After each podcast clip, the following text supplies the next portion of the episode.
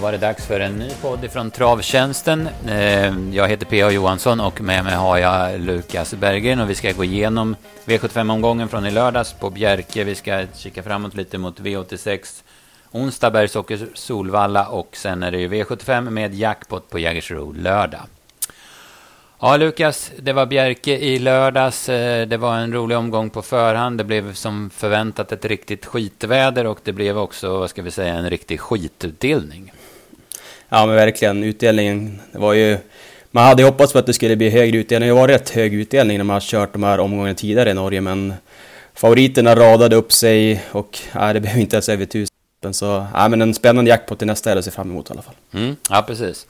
Eh, vi lämnar det därhän. Istället fokuserar vi på det sportsliga. Och vi hade ju en häst som vi verkligen eh, amen, plussar för båda två. Och det var ju Sarenne Fas som vann storloppet, Axel Jensens minneslopp. Och på vilket sätt han vann det också. Ja, men verkligen. Det var, det var ruskigt bra. Han, han såg ju väldigt fin ut i Hamburg senast. Jag, jag har faktiskt jagat den här sen dag ett. Den var på Solvalla. Jag tyckte den spurtade otroligt bra där. Så den har gjort, den har gjort bra insatser varje gång, men inte fått vinna. Men nu har ju tagit två raka och ser ju, ja, det ser verkligen bättre ut än någonsin. Och insatsen den här gången, den var ju, ja, den var verkligen femstjärnig. Mm, ja, verkligen. Alltså, det ska ju inte, egentligen inte gå att vinna. Visst, det var bra fart där framme, men han satt ju otroligt långt eh, efter, för han tog det lugnt ifrån start och alla fyllde på, så det fanns ingen position kvar till honom. Eh, sen eh, när han går på tusen kvar så får han väl inte de ryggarna han vill ha i, i Roofy bland annat där. Så att han, han kom ju liksom ingenstans och fick skicka på i fjärde och eh, lite snäv sväng som det är på Bjerke och han bryter lite men ändå så, så liksom rundar han dem runt svängen och sen är det åkandes till slut. Ja, ja, imponerande, verkligen. Ja men exakt och sen Rickard sa ju också i sin intervju att han, han tänkte ta en lugn start och bara droppa ner men sen fyllde ju bakspårshästarna på så bra så han fick ju backa sig sist och nej, det ska ju som det gå, men sen eh, man såg redan i sista svängen att han hade bäst fart. Så fick han ju ett bra svar när han ryckte norsken också. Mm, ja, jag håller med. Det, det är en ruskigt fin häst där. Han ska ju ner till Frankrike nu, är tänkt eh, Criterium Continental. Jag vet inte exakt vilken dag det går på, men det brukar ju vara i julhelgen i alla fall. Och, eh, han får väl möta Facetime Bourbon där, men, och det är klart att det är ju ingen lek att slå den. Men han kommer i alla fall göra ett eh, jäkla bra lopp tror jag, Sarenfas, och blir oerhört spännande framöver. Det snackas ju ja, det är väl mer folk runt omkring och kanske tv och livesändningar och sådär som snackar om Elitloppet. Men, men eh, absolut, för han vann ju också även Orsi Magnelli som treåring, så han har ju kvaliteter den här resten. Ja, men exakt. Och då, just nu känns det som att en, en häst som passar Elitloppet också. Och sen bakom så, jag tyckte också att hans, en av hans andra hästar hade några hästar mer i år, men Sabelfi såg ju jättefin ut som fastlås, så den, eh, den tror man kan ta med sig framöver faktiskt. Mm. Ja, den såg, den såg väldigt laddad ut innan också. Sen gör ju den norska Nobel Superb, undrar om inte det är Norges bästa fyraåring utav de norskfödda i alla fall. Att han är bättre än stallkamraten som vann derbyt. Jag tyckte han spurtade jättebra från tredje par invändigt, Nobel Superb. Yes. Eh, sen, men vi tar det från början då när det gäller V75 i övrigt då så eh, Sarenfas var ja, det stora plusset. Och sen en annan, några andra killar som plussade den här dagen, det var ju eh, konstellationen Sten Hjul Vi noterar ju det att eh, att eh, Thunder Peak var det tryck i då Ecke körde den på Lunden näst, i näst senaste starten då. Och sen så hade de ju en V86-vinnare i onsdags. Så att vi var lite med på att de här två eh, Kennecke passar väldigt bra på Sten Hjuls hästar. Och det vart ju två av två på V7 då så att det, det befäster ju där då. men Thunder Peak Eh, bra resa, kom ut i andra par ut, varvet kvar från ryggledaren i ganska bra tempo. Sen fick han faktiskt lite hjälp av Kim Eriksson som var väl lite för het på att köra mot eh, ledande Peder Mykla istället för att kanske köra mot de bakomvarande. Men, men ingen skugga över Thunder Peak, han vann ju hur lätt som helst för en väldigt tapper Minnestads El Paso. Ja men exakt som du säger, han blev ju av mot ledningen. Det var ju lite om han skulle lyckas ta en längd med Peder Mykla, men det gjorde han ju. Så fick han ju som ryggledaren. Men då när Julia Downton som var han var seg nästan hela loppet och redan tappade där varvet kvar. Då kom han ut. Han var ju pass, eh, vaken där och kom ut bakom Kim som hade en liten het häst. Och Minnestads Pass var ju lite het i värmningen som han inte riktigt brukar vara. Han kallas ju Skalman av en anledning men han har ju ett heroiskt lopp som två och eh, är det verkligen kul för medarbetare Dennis Palmqvist att de har fått fram den här hästen. Och han ska ju ner till Frankrike nu i vinter och det, det känns som att han får sitta där i ryggar och spara speeden till det långa upploppet på Vincennes så kommer han nog kunna tjäna bra pengar där nere. Mm. Ja, det är, han utvecklas ju för varje start, Minnestadspass, eh, och gjorde en jättebra insats där. Men han såg bra ut, eh, nioårig Thunder Peak, och eh, han, ja, men han är i stort sett i sitt livsform där va. Eh, norska Hicko Depot gick från kön och gjorde ett bra lopp. Jag hade 14 sista åtta. Det var ju ruskigt tråkiga förhållanden så det var ju liksom inga bra tider på klockan någon gång. Men den gick bra. Däremot tycker jag både Dizzy River var en liten besvikelse och sen Jula Downton får inte till det. Han var ju trött, eller han var seg som du sa, tusen kvar. Men sen höll han farten men så blev han väldigt paddlig i aktionen och rullade över 200 kvar. Så, så han får inte till det helt enkelt. Nej men exakt. Så, ja, det är tråkigt, jag gillar den där hästen men jag tyckte den var så himla bra där i sprinter mesta men har inte fått till det efter det men Nej, det är om man hoppar av tåget så sitter den där snart så mm. man ska nog inte vara, man ska nog passa upp den ändå om det kommer ut. Mm, ja precis, så är det En fin häst är det ju tveklöst. Eh, V75 2 då, då fick vi se norska treåringen Iggy BR eh, få ett rätt så passande lopp men samtidigt var han väldigt, väldigt fin. Jag hade 13,8 sista tusen på honom och han vann ju eh, ja, men relativt okörd ändå. Det handlar ju om 2,6. Jag tycker den här ska bli riktigt spännande att se i finalen när annandag jul på Valla då han ställs mot eh, svensk konkurrent. Det var ju några svenska hästar här, men, men nu kommer ju bli tuffare emot på Valla då. Men jag, jag tror att han står sig ruskigt bra i klassen, i GBR. Ja, men verkligen. Han såg, ju såg ju lysande ut och redan i uppvärmningen så såg man att ja, han blir svår felfri och står emot för de övriga och sen det var lite kritiskt moment från start. Om han, han galopperade ju för tre starter sen i deras kriteriefinal va? Ja, precis. Stämmer. Så, men han gick ju väl felfritt och sen körde ju Magnus Gundersen ett perfekt lopp upp i dödens varvet kvar. Sen var det ju... Ja, det var aldrig något snack. Han såg klar ut hela vägen och var ju jättefin. Och där bakom var det ju åtta Accolate som jag hörde att han hade skyggat för en vattenpöl där på bort i lång start. Gick och hoppade och tappade väl en del mark, men gick jättebra sen i skymundan. Och även tre Corleone DK som spetsade initialt, vilket vi trodde. Sen trodde vi att man skulle köra i spets, men Henna Alme släppte och hamnade i en dålig rygg där. Men hon, han spurtade bra efter sen lucka, hade ju varit sjuk inför detta. Så äh, han kommer nog gå framåt med loppet i kroppen och väl, väl spännande framöver. Mm. Ja, men jag håller med. Den har ju kvalitet. Den är både spurtstark och startsnabb. Alltså. Eh, just Accolade där jag hade 12 och 6 sista tusen på honom och det är starka papper på, med, med tanke på förutsättningarna. Alltså. Eh, sen var det gulddivisionen, eh, eh V75 3 och där var ju snacket eh, vem som skulle ta spets. Gigantin Valley från innen eller Pastore Bob från bricka 7. Eh, Pastore Bob, eh, där drog ju eh, Johan Untersteiner norsken från start och då Eh, trots att testdrive var väldigt snabb emellan så klämde sig Pastore Bob eh, ner till ledningen i en eh, ruskigt snabb öppning första 200. Sen hade han, eh, kunde han dra upp norsken igen så han gick med öppet en bit under loppet och drog ner den igen när det drog ihop sig. Men det hjälpte inte riktigt. Pastore Bob orkade inte svara och den som knäckte honom var ju Cash OK som gick ruggiga sista 600.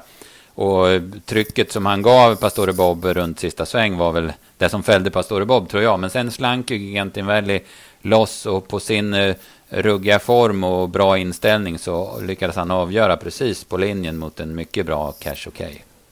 Ja men exakt och äh, vi var ju inne på, och vi och de flesta kanske var inne på att Gigantin Valley skulle hålla spets men när Pastore Bob kom förbi där så tänkte man att äh, nu är det över men som sagt Cash OK tyckte jag såg skitfin ut i värmningen och han har ju varit riktigt bra när det var de här V75 tävlingarna tillsammans med Norge tidigare och vi Ja, det var ju surt. Vi hade ju han på tre hästar, så i sista sväng så såg det ut som att han skulle gå mot segern. Och en sån vinnare som skulle behövts, om han skulle få upp värdet lite grann. Men Giganti Valley slank ut där och ja, avgjorde ju bra. Jag tycker att han har ju vunnit de här segrarna från ledningen och kanske inte sett så himla rolig ut, men eh, nu visar han att han kan gå lite bakifrån och eh, ja, det är ju absolut en av eh, Norges bästa hästar. Mm, ja men tveklöst, han är så, så tacksam för att han är så startsnabb och nu, som du säger, nu gick han ju bakifrån också. Så, ja, men det är lite fascinerande utveckling på den här nioåring efter Gigant Neo och J.R. Broline som morfar. Ja, men det låter ju som, ja, det här är ju ingenting, men ja, han har snart vunnit 40 lopp och, och är som du säger kanske Norges bästa häst av de norskfödda. Då.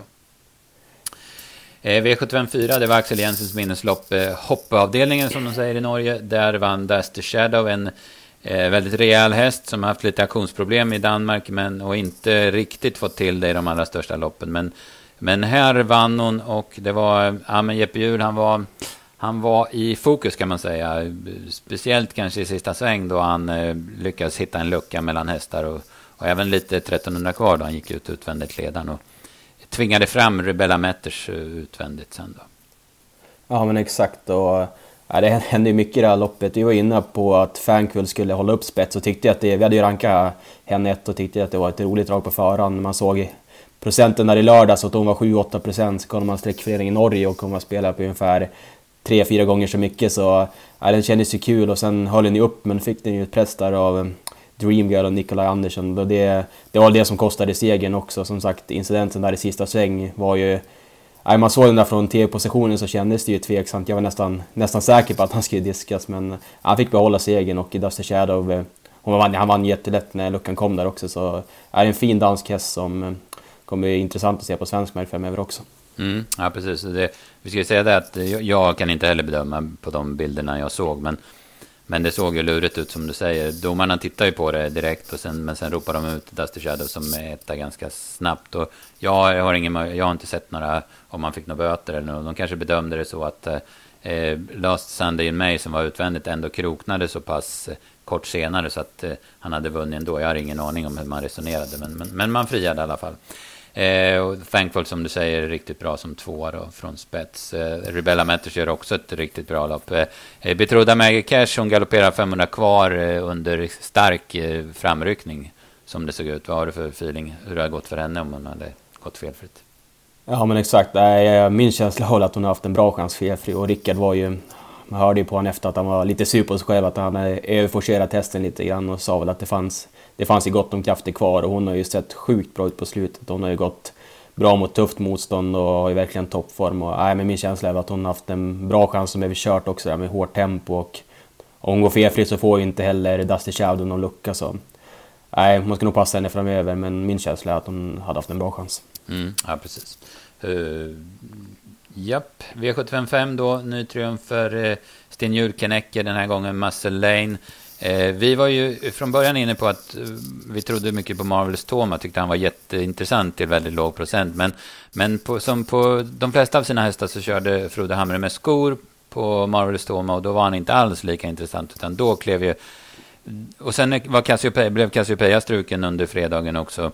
Då klev ju Muscle Lane fram som den givna spetsfavoriten och, och, och eh, därifrån så, så, bedömde vi att han skulle ha vettig chans. så Vi spelade utgång på honom på, på slutspelet och, och, han vann också väldigt lätt ifrån ledningen. Han fick bestämma i 18 tempo första varvet så det var inte så konstigt att han vann. Men det såg ruskigt bra ut på Muscle Ja men verkligen, han var, han var jättefin och det är den som har radat upp sig i Danmark, så när jag var nu på på svensk men på slutet så svek han ju där på Solvalla som jättefavorit och galopperade ju senast där på V75 men äh, nu var han jättefin och som sagt han höll ju upp eh, ledningen enkelt och spår 1 här på Bjerke är verkligen bra och äh, det var ju inget snack sen. Eh, det blev ju som sagt inget tempo man, man tänkte ju redan 500-600 kvar att kommer, blir det, vem blir tvåa liksom? Beartime såg ju jättefin ut bakom som fastlås och det är verkligen av toppform och står ju tur på en V75-seger kan man ju lugnt säga.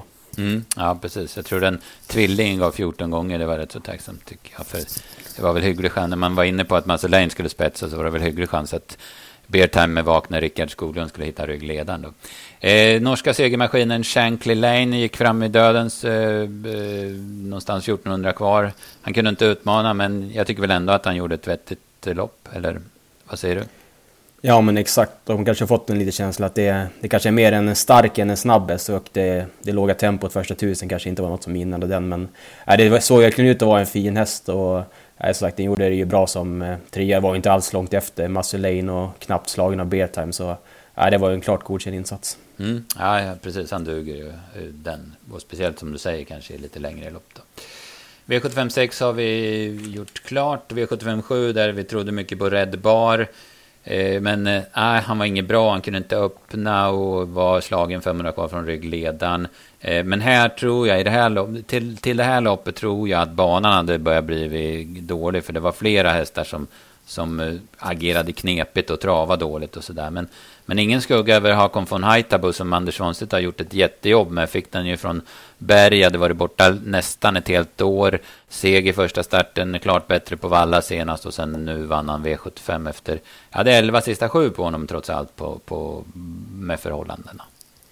Ja, men som du säger, ett Red Bar var ju det stora stallskriket och vi trodde som sagt som många andra mycket på han men han öppnade inte alls lika snabbt som han det var med och det, det är något man kan ta med sig som spelare när hästar hästar som är väldigt startsnabba inte öppnar som vanligt så brukar det ofta vara något fel och eh, han var ju inte på topp och kan ju betydligt bättre än så här i alla fall. Mm. Eh, däremot var ju eh, stoet där, Ursula Hors, väldigt positiv. Hon var ruggigt snabb ut och hon eh, öppnade nio första fem och 13,5 första varvet och pullade ju så sent som i sista sväng. Och sen att hon inte kan svara Hakon von Haitabo sista biten är ju absolut ingenting att säga om, men prestationen tycker jag var jättebra. Ja men exakt och sen där fem go-go hål tyckte jag såg jättefin ut i värmningen. Men jag vet inte riktigt vad som hände i loppet där man... Varvet kvar så var han ute i fjärde spåret och tog upp och jag kan inte se att han var galopperad eller var diskad heller så...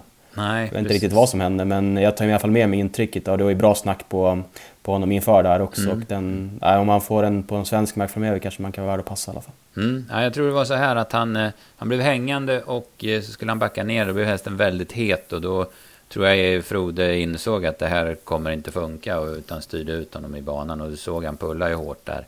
Eh, flera spår utanför fältet också. Eh, treårig Golden Dream ME, det är en av Norges bättre treåringar. Han var, han var jättebra här tycker jag. Fick, blev hängande, sen kom han ner i andra på Rut. Och, och, men han fullföljde starkt som, som trea. Det där är en, trots, höll jag på att säga, att han är efter Buzzin Bryan så är det där en riktigt, riktigt bra häst. Ja, som du säger, sen Nora Bräckan är sån som jag växte upp i mina unga dagar och tycker att det är, en, det är en härlig prick och det är kul att han har fått fram en bra häst. Han har alltid haft bra hästar men nu har det ju inte varit så så ofta han har startat på svensk mark. Men den här kommer ju absolut duga om man kommer över och testar lyckan här också. Mm, ja, en ruggig tränare måste man ju säga att han är med alla hästar. Sean Rags och Nobel Rags och allt vad de heter genom åren. Så att, eh, ruskigt vass tränare på ett så pass litet material också. Så. Ja, det var V75 på Bjerke. En, som du sa, under tusenlappen i, på 7 rätt. Ingen utdelning på 5 rätt, så därför är det jackpot på Jägers. Och enligt ATGs prognos så blir det 40 miljoner att spela om i sjurättspotten då. Jag vet inte exakt hur mycket det som går till potten från den här Bjerke-omgången. För det ska ju delas upp i svensk pott och norsk pott. Men 40 miljoner i alla fall räknar man med. Och vi kan väl ta det innan vi snackar lite V86 så kan vi snacka lite V75 Jägers. Och vi snackar väl om V751, Johan Jakobssons minne. Ett alltid lika intressant lopp. 2-1 voltstart, treåringarna står start, fyraåringarna står 20 och Campo Bahia gör comeback. Han var ju struken i kvalet i Europaderbyt för förkylning och sen så, så, så han har inte startat sen derbyt där han inte var som bäst. Men alltså jag säger utan att darra på manschetten att det här är Sveriges bästa fyraåring och det ska bli skitroligt att se honom på, på tävlingsbanan igen.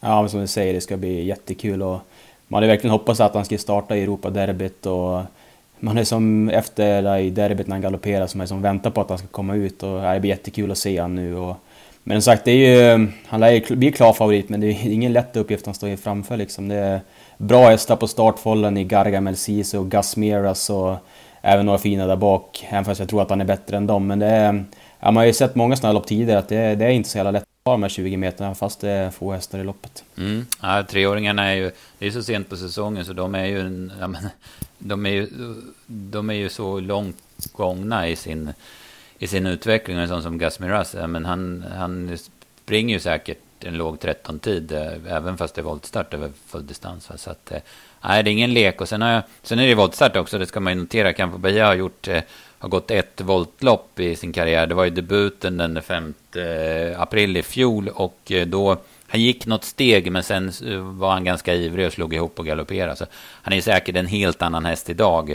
rent mentalmässigt. Men, men man ska ju veta det i alla fall, att han galopperade i den enda han har gått i volt. Och en sån som Gasmiras har ju visat, den har, gick också voltstart i sin debut och han öppnade bra då från spår 7. Så att, Ja, det kan bli långt fram, men man tror väl kanske ändå så där innerst inne att Campo fixar det. Sen har vi en eh, italiensk född häst som tränas av eh, den här framgångsrika Engverda i Holland. Det är nummer 10, Sion Font. Han har gjort 11 starter och vunnit 9 segrar. Han har bara tjänat 218 000, så den står ruskigt hårt in i loppet. Mm. Men jag har sett de två senaste segrarna på Volviga och jag måste ju säga att det är en jäkla fin häst. Han har blixtrat till spets då bakom bilen och sen har han joggat. Jag hade 12 och 3 på de sista tusen senast. Och, ja, den, är, den är väldigt fin alltså. Men sen att den ska slå Campo Bahia från lika start eh, det är väl tufft kanske, men nej, spännande häst blir det i alla fall. Ja, men exakt. Ska vi ta några korta ord om svensk uppföljningslöpning också som V75 4 där som är det största loppet för tvååringarna och klar favorit kommer ju Wäjerstens där, Global Badman blir ju... Ja, det är inget att säga om det, han har ju verkligen varit otroligt fin och det är såna här som har tagit till sig sedan dag ett och perfekt läge bakom bilen och är han som, är han som senast så blir han ju svår för övriga att stå emot men det är som sagt tvååringar och det är en lång resa igen även fast han klarar det senast så äh, man brukar ju vara ganska försiktig och spika de här loppen men han har ju en bra uppgift på pappret. Mm, ja precis, det, man ska ju säga där också att det var ju bara två uttagningar så att eh, eh ja, men man fick ju väldigt bra syn på dem mot varandra. Den, den andra försöksvinnaren var ju Svante Båths Armane Degata Den var ju också jättefin. Men jag håller med dig, Global Badman jag, jag önskar verkligen att han vinner det här loppet. Eh, om man, man ska se rent som man känner. För jag tycker det är, precis som du säger, en ruskigt fin häst, eh, Global Badman. Och det skulle vara jättekul för Daniel Wäjersten också. Och, och så här tidigt i karriären få en sån här så pass stor seger som uppfödningslöpningen ändå är. Yes. Ja, vi kan väl gå igenom lite kort på V86 där. Man har inte hunnit sätta sig i lästerna helt, men eh, man har väl kollat på dem och jag tänkte vi kan snacka lite om V86 4 där, storloppet där. Eh, fyra med Stikton Wern tycker jag, en rätt passande uppgift på pappret. Har ju var jättebra i inledningen av sin karriär och mm, radade upp segrarna. Hade väl 5-6 raka om jag inte minns fel. Och, men har inte riktigt fått till det på slutet. Har varit ute mot bra hästar och gjort det klart bra. Och, äh, hon har ju varit struken inför det här men tycker att hon går ner i klass och hon är i startsnabb och jag blir inte förvånad och Erik tidigt sitter i ledning och då ska väl... Hon skulle ha en bra chans att kunna spåra detta runt om spontant. Mm. Mm, ja men precis, eh, spetsläge som du säger och så står hon på ja, så när som på 1100 kronor in, perfekt in i loppet då. Så att det eh, ser väldigt bra ut. Och hon blir väl hårt betrodd tillsammans med Bonego. Det är väl de som får dela på favoritskapet som det känns. Men Bonego har ju ändå bakspår och, och har ju tjänat ganska snabba pengar. Även om hon är ruskigt bra, Bonego, så, så känns det väl lite tufft. Och kanske att slå Musikta med henne. Jag tycker vi har en, ett annat bra drag, en här som vi i, i i travtjänsten, eh, liksom, redaktionen snackade om inför Eskilstuna eh, förra helgen. Eh, Cavalier Brodde som är med i V867. Den, ja, den var ju riktigt bra då. Den har gjort tre starter för Röcklinger och sett bra ut varje gång. Och den har haft dåliga lägen, spår 8, spår 12 och spår 7. Nu har den spår 2 och i, ja, men lite halvvettigt motstånd som det känns. Så den tyckte jag var en vettig vinnare, sådär som du säger, första, vid första anblicken. Ja, som du säger, det loppet också där med nyhet som har bakspår och det tänkte man redan på senaste på Eskilstuna och det sa väl Robert Berg också att den tävlar absolut bäst när den får med där framme och sen 1600 inte heller något plus kanske och 12 Crazy Days kommer med två raka och lär också säkert dra en del streck men det är ju stor mot hingstarna och också ett jobbigt läge så nej, Cavalier Brodde från ett perfekt läge känns väl känns mycket spännande på förhand. Mm, ja, precis. Ja, vi har två tänkbara drag att gå på till V86 och det kan ju behövas för det är ju ingen lek att tippa V86. Det har vi ju sett vecka ut och vecka in. Man säger. Ja, Lukas, det var lite smått och gott eh, från den gångna helgen och framöver också. Och så får vi väl eh, ta tag i de här tipsen och, och försöka få till det bästa av det. Vi ska säga att det är, som, det är vanliga tider som gäller. V86 släpper vi onsdag klockan 15 och V75 eh, släpper vi fredag klockan 15. Så att eh, allt är som vanligt på Travtjänsten. Yes, ja men perfekt. Då önskar jag en trevlig vecka så får vi hitta nya vinnare i arkivet. Så är det. Yes, ha det bra. Ciao. Hej.